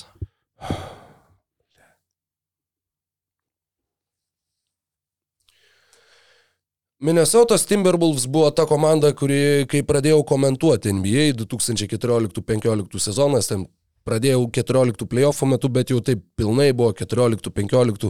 Ta komanda su Ricky Rubio, su Andrew Wigginsu, su Zeku Lavinu, vėliau atėjo Karl Anthony Townsas, Kevinas Garnetas grįžo, buvo Teišonas Princas. Buvo labai simpatiška komanda. Ir kai jie atliko tuos mainus, kurių metu jie gavo Rudy Goberą, man buvo toks, kur, nu, nu gerai, žinai, atėjo Timas Connelly Tada tu buvai geras policininkas. iš Denverio Nuggets. Jo, tada aš buvau, aš ne tik kiek buvau geras policininkas, aš tiesiog galvojau, kad, nu, nu Timas Connelly pastatė Denverio Nuggets, buvo kokia komanda, nu, turbūt bičias žino, ką daro. Minnesotos Timberwolves tam, kad persiviliotų Timą Connelly į savo organizaciją, jam moka dvigubai daugiau, negu jam mokėjo Denverio Nuggets. Ir jam atėjus pirmas jo sprendimas buvo, va, atlikime mainus, gaukime štai žvaigždę už, už, už visą mūsų įmanomą ateitį ir ne tik už visą mūsų įmanomą ateitį. Blia, Rudy Goberas, dabar va žiūrint jau, nu kiek, kiek te praėjo, keletas mėnesių, bet tu visiškai sugrioviai savo komandos chemiją, Tu išsiuntėjai Patriką Beverly, kuris buvo emocinis lyderis, ir Jaredą Vanderbiltą, kurie abu buvo geriausi Anthony Edwardso draugai tavo komandų. Tu išsiuntėjai du savo jaunos kylančios žvaigždės geriausius draugus, kaip Benifeni, kad gautum žaidėją, su kuriuo, blėt, niekas nemėgsta žaisti. Aš manau, kad net prancūzų rinktinė, jeigu atvirai kalbėtų, net koks Evanas Fornė sakytų, kad blėt, jis užpisa mane iš tikrųjų. Nu, nes jis debilas. Jis yra, nu, tiesiog, nu, kretinas. Nu, nieko tu negali su juo padaryti. Ir e, šitas visas, žodžiu, mikrofonų smaukytojas COVID laikais nu jis visiškai netinka tai komandai. Kriso Finčio žaidimas buvo visiškai netoks. Jie nežaisdavo, nežinau, nežaisdavo pick and rollų ir dabar jie nežaidžia pick and rollų. Jie dabar bando žaisti Goberui duot kamuolį, kad jis centruotų. Goberas žaidžia, blėt, kaip su akmeniniam rankom. Jis, nu, nepagauna to kamuolio. Tu jam gali užmest kamuolį, kad jis įdėtų į krepšį. Kartais. Bet jeigu jam reikia dar kažką daryti, jisai beveik pastoviai arba iš jo tą kamuolį išmuš, arba jisai bandydamas, e, e, e, sužingsniuos ir tada bandys kamuolį sumušti. Nu jis... Ir negana to, jų gynybos reitingas dar pablogėjo šiais metais, pasėmus Rudy Goberą į savo komandą už jau minėtą Patriką Beverly, Jaredą Vanderbiltą, Maliką Beasley. Kuris taip pat dabar, va, Jailenas Novelas bando žaisti kaip Malikas Beasley ir matom, kad nu, jis visiškai nėra Malikas Beasley, jam labai toli aukti iki Maliko Beasley. Ir negana to, va, pats skaudžiausias ir pats toks, nu, nu va, ironiškiausias ir maksimaliai kiek įmanoma, labiausiai Timberwolves posūkis šito istorijoje yra tas, kad plus tu dar atidavėjai savo šių metų šaukimą, jokių apsaugų, 25 metų šaukimą, jokių apsaugų, 27 metų šaukimą, jokių apsaugų, 28 metais teisę apsikeisti šaukimai su Juta ir 29 metų šaukimą 29 su top 5 apsauga. Kad nu jeigu jau būsit šūdas 29, tai bent jau tada savo šaukimą gal ir pasiliksit. O ne toliau dirbsit Danny Angel už tai, kad gautumėt Rudy motherfucking Goberą. Ir prie viso to jie dar pridėjo dar vieną žaidėją, kurį aš turiu savo vienoje iš fantasy lygų ir kur, kai žiūriu, tiesiog, nu, kur, tu, Česleri. Volkeris Kessleris Oburno universiteto komandoje buvo gausybė išplėstinės statistikos skaičių tiesiog krūva geresnis. Už savo komandos antrą geriausią krepšininką Džabarį Smithą jaunesnį, kurį pasėmė Houston Rockets antruoju ir trečiu šaukimu, dabar bijau sumeluoti, bet tai buvo naudingesnis žaidėjas, tai buvo krepšininkas, kuris, jis atrodo kaip toks metkirtys, bet jis nu neįtikėtinai juda kojom, jis neįtikėtinai koordinuotas, jisai jau dabar, jis yra trečias, trečias pagal win shares Jutos Jazz komandai. Ir tai yra kauptinė statistika, tai nėra, kad, ta prasme, e, kurią tu pritaikai pagal, pagal win shares per 48 minutės, va, kai grinai, jeigu sulygintum visus, va, kiek tu padarai, nes jisai žaidžia po 19 minučių per rungtynes. Ir yra trečias komandai pagal win shares. Ir yra e, antras pagal box plus minus ir antras pagal defensive box plus minus. Ir jis, žaisdamas kiek mažiau nei 19 minučių, blokuoja po 1,8 metimo per rungtynes. Rudy Goberas Minnesotoje blokuoja po 1,3, blėt. Žaisdamas daug daugiau laiko. Bo, šitas win shares per 48 minutės. Jo. Volkeris Kessleris yra 30 lygoje. Rudy Goberas yra keturiom pozicijom žemiau. Ir Rudy Goberui yra 30, Volkeriui Kessleriui yra 21, tavo Karl Anthony Townsui yra 22 ar 3, aš bijau, ne Townsui, atsiprašau, Edwardsui. Nors tu, nu, jeigu tu būtum norėjęs kuo labiau sabotuot komandą, tai va šitie Timo Connelly mainai yra tiesiog super. Nu, vad, grinai, jeigu tu galvoji, jeigu sakai, žinot ką, Nuggets, jūs nepykit, aš čia, aš tipo trumpam išeisim, ten labai daug pinigų mokės. Nieko, aš ten greit, ką nors jums supisiu. Ir kad jums bus dar geriau, nereikės jokiečiui sukt galvos ten dėl Townsų ir Edwards. Aš padarysiu, kad čia vis nutiesiu jums kelią, eliminuosiu vieną komandą visiškai iš, iš be, belė kokios relevancijos vakarų konferencijų. Tai aš, nu, Gerai. Uh, laimėjo, va, šią naktį prieš tos pačius Nuggetsus, Timberwolves. Ir aš tikiu, kad tai bus uh, po šešių pralaimėjimų iš eilės buvo labai svarbi. Pergalė. šeštas buvo prieš Detroito Pistons, kurie pirmavo, man rodos, 20 kelių taškų skirtumų ilgosios pertraukos metu ir prieš Detroito Pistons, kurie žaidžia be Keido Cunninghamo, ten dar be kažko žaidė, man rodos, dar išvarė kažką jų. Vis tiek jūs sugebėjot praleisti. Rudy, motherfucking, aš negaliu. Aš sakiau iš karto, kad bus problemos su šitais mainais, bet ne, nesvarbu. Dabar viskas yra uh, gerin. Laimėtos rungtynės prieš geriausią vakarų konferencijos komandą. Anthony Dead. Uh, Deadwardsas.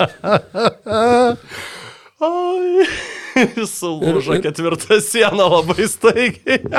Ir Rudys Žiobaras, nes jis visiškai nemagiškas, visiškai neturi magiškų galių, prisiekiu. Anthony Edwardsas per iki, iki gruodžio mėnesio 30 taškų permetė 3 kartus. Nuo gruodžio mėnesio jis tą ribą peržengė 4 kartus. e, Nes Taunsas traumuotas. Tai labai gerai ir žaidimas. nelabai gerai.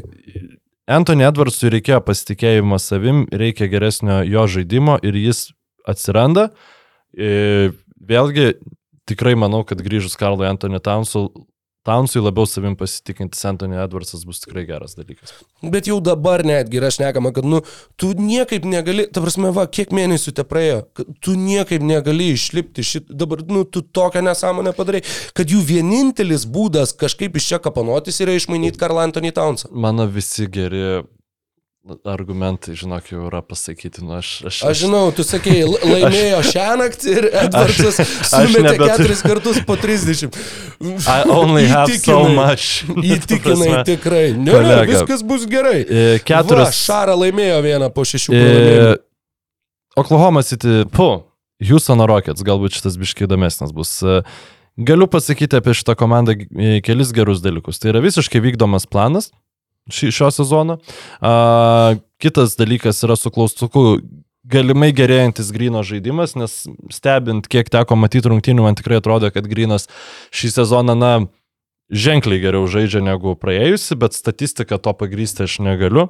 Tai čia tiesiog. Ir tada kitas dalykas yra, kad e, artėjant sezono pabaigai, kuomet komandos jau labai nori būti kuo užtikrinčiau paskutinė, paskutinėse keturiose vietose, kad maksimizuotų šansus į aukščiausius šaukimus, prasideda tokie dalykai kaip uh, žaidėjų priverstinis ilsinimas, nori ar e, to ar ne, e, iš tavęs aš atimu minutės, nes tu, nes tu esi per geras ir jas duodu ten e, savo anytai pažaisti, nu, kad būtų paskui Sporkal įdomų kvizą galima padaryti. Aš manau, kad Houstono Rockets yra komanda, kuri turi mažiausiai potencialo laimėti netyčia rungtynes. Dėl to e, tokių vat atvejų, kuomet geri žaidėjai yra sodinami ant suolo ir taip nu, sabotuojama chemija, komandos yra vardant pralaimėjimų, turėtų būti mažiau negu, pavyzdžiui, Oklahomai. Ir dėl to ši, čia yra gerai. Nu, matai, jie turi mažiausiai šansų laimėti netyčia. Jo, bet Erikas Gordonas po pastarojo pralaimėjimo, pala galvoju, ne, dar jie žaidė naktį gavo nuo Dalaso, tai po praeito pralaimėjimo sakė, kad komanda netobulėja. Ir tai yra trečias jų e, persistatymo sezonas, trečias sezonas po Hardeno mainų. Šiais metais jie daugiausiai klysta visoje lygoje, jie blogiausiai atakuoja į žaidimo visoje lygoje, jie atlieka mažiausiai rezultatyvių perdavimų visoje lygoje, jie prasileidžia po daugiausiai tritaškių visoje lygoje. Jie trečia dažniausiai pick and rollus žaidžianti komanda lygoje ir jie yra 29 pagal efektyvumą. Jie neturi tų žaidėjų, kurie, ta prasme, Stevenas Silasas buvo pasamdytas tam, kad dirbtų su Jamesu Hardenu. Ir po to, kai Hardinas buvo iškeistas, nes sezono pradžioje ten buvo tas, kur užsitėsi ir sezono pradžioje ten irgi storas atėjo taip toliau, jada jada. Dabar jie turi visiškai tam netinkamus žaidėjus. Stevenas Silasas neprisitaiko. Tarsi, Kevinas Porteris nėra Jamesas Hardenas, Alperenas Šengiūnas nėra Klintas Kapela.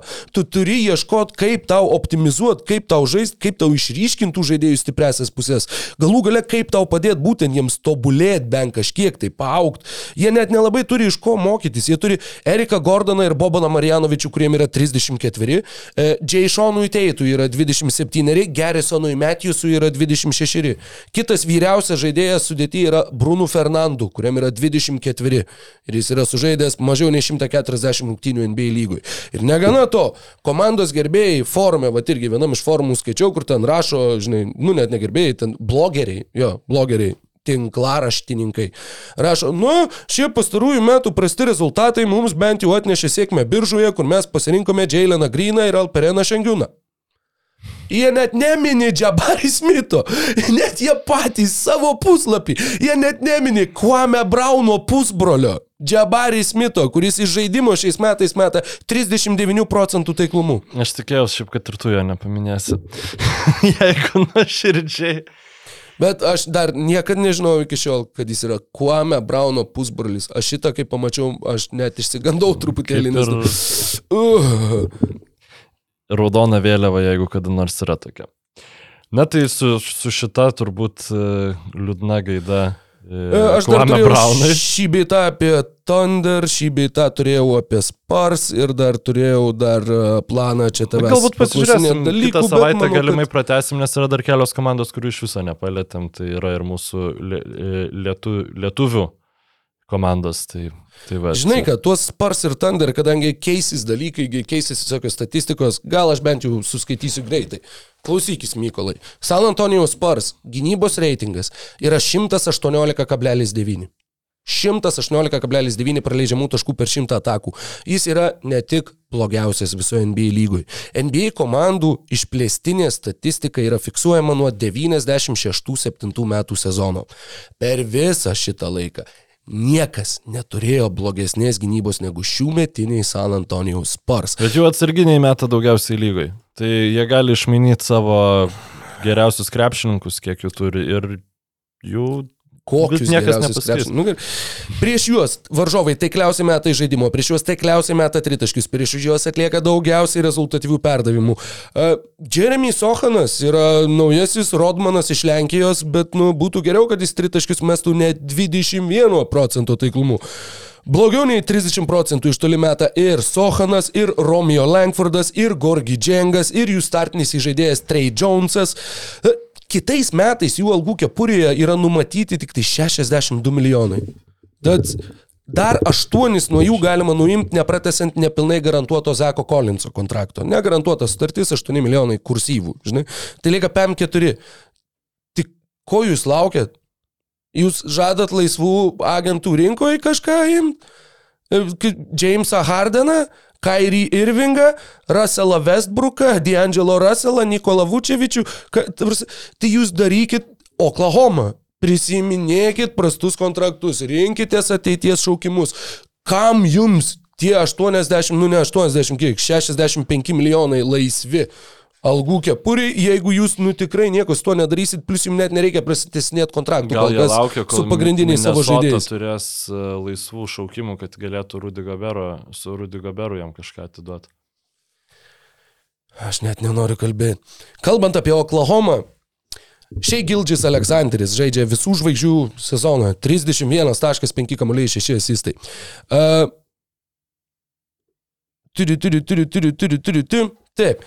Nu taip, jie dabar yra procese, kaip buvo Filadelfija. Jie eina Semo Hinki pramintais takais, jie dar tikrai nedega norų skin pergalės jau šitam sezone ir šiuo metu dalinasi 12-13 vietomis. Ai, nebesidalina, Lakeriai laimėjo šią naktį, aplenkė Oklahoma, teisingai. Jūs, tai yra Oklahoma Thunder, leidžiat varžovams atkovoti po 12,5 kamulio polime ir 48,3 per rungtynes, tai yra blogiausi skaičiai lygoj. Jūsų daugiausiai kamuolių atkovojantis žaidėjas yra Džošas Gydy. Imantis po truputį daugiau negu 8. Jeremiah Robinsonas Erlas ir Aleksėjus Pokuševski ima po 5. Vieninteliai žaidėjai turintys bent 4 sezonus NBA patirties visoje Oklahomos komandoje yra Shea Gilgis Alexanderis, yra Kenrichas Williamsas, abu du sužaidė po keturis sezonus, žaidžia penktą, ir dešimtą sezoną lygoje rungtyniaujantis Maikas Muskala. Na, aš suprantu, taip, jo, jis Oklahoma jau ketvirti metai, suprantu, kad jums reikėjo naujo Niko Collisono, naujo Mr. Thunder, žinai, kur, va, o, čia sembuvis, visa kita, bet jiems labai trūksta, mano akimis, nu ir atrodo taip elementaru, tiesiog didelio, stipraus bičio, kuris susirinktų kamolius, būtų fiziškas, kuris neprisidėtų labai daug prie jūsų pergalių, bet bent jau lygiai taip pat prisidėtų prie tų įpročių ūkdymo. Bent jau nebūtų to, kur beviltiškai, kur ten kartoja prieš tave po šešis metimus per ataką. Reikėtų jūsų Adamso, ar Sabonio, ar Valančiūno, ar netgi Kanterio, ar netgi Favorso, ar nu bent kažko, Bugi Kazinsą pasimti iki sezono pabaigos, kol pasveiks čia tas Holmgrenas ir ateis žais kitais metais. Bent jau, kad kažkas funkcionuotų, nes su Jeremiah Robinsonais, Erlais ir Maikais Muskalomis, nu jo, gerai, tu nori rinkti kaip ir tuos pralaimėjimus, bet nu ne, nepalengvink taip jau žiauriai užduoties varžovams. Tokios tad būtų mano pasipiktinimo įžvalgos, kodėl jie tuos vaikus taip leidžia apstumdyti visiems ir imti kamuolius jiems nuo galvų. Nu, padėkit jiems. Nu, vat. Tristaną Thompsoną kokį pasimkit, dar kokį priedą. Labai smagus e, pokalbis, e, gal kartais mažiau pokalbis, daugiau e, jaučiausi kaip e, 2000-ųjų vasarą pas kaimyną, nu, tiksliau, gyvenau tuo metu pas mačiutę, o Tai pas kaimyną ar pas močiutę? Pas kaimyną kartais nueidavau pažiūrėti krepšinio ir kaip jisai vis sakydavo, tai aftoką, tai keulių ganyti reikia ir taip toliau. Tik gal ne 2000-ųjų vasarą man ne, nekipkit prie datų šitą, bet e, galbūt šiek tiek vėliau. Uh, bet uh, tikrai labai smagu buvo tavęs klausytis, laiko liko mums Tavęs e, irgi. pakankamai. Uh, tiksliau, laiko jau per, perviršį uh, išnaudojam kaip e, pridėtinis laikas jau kapsi, žodžiu, kaip e, pasaulio čempionate. Ir šiaip e, būna futbole taip va kartais, e, tai mm, važiuoji, važiuok tada komentuoti krepšinio, biški gal su geresnė nuotaika. Oi, tikrai taip. Biškai reikės atsikratyti viso šito, nes žinok, aš taip po praeitos tinklalaidės truputį dar užsikūręs valandėlę kitą buvau. Tai- Geras. Tai va, tai ačiū už, už klausytojams visiems už jūsų laiką, kurį mums skiriate ir sėkmės. Ačiū. Iki kitos savaitės. Ačiū visiems. Laimingai. Čiau, čiau. Ačiū, kad žiūrėjai šį podcastą. Paspausk like, taip bus pamatys dar daugiau žmonių, arba prenumeruok kanalą ir gausi informaciją iš karto. Nuo dar daugiau turinio BN ⁇. e.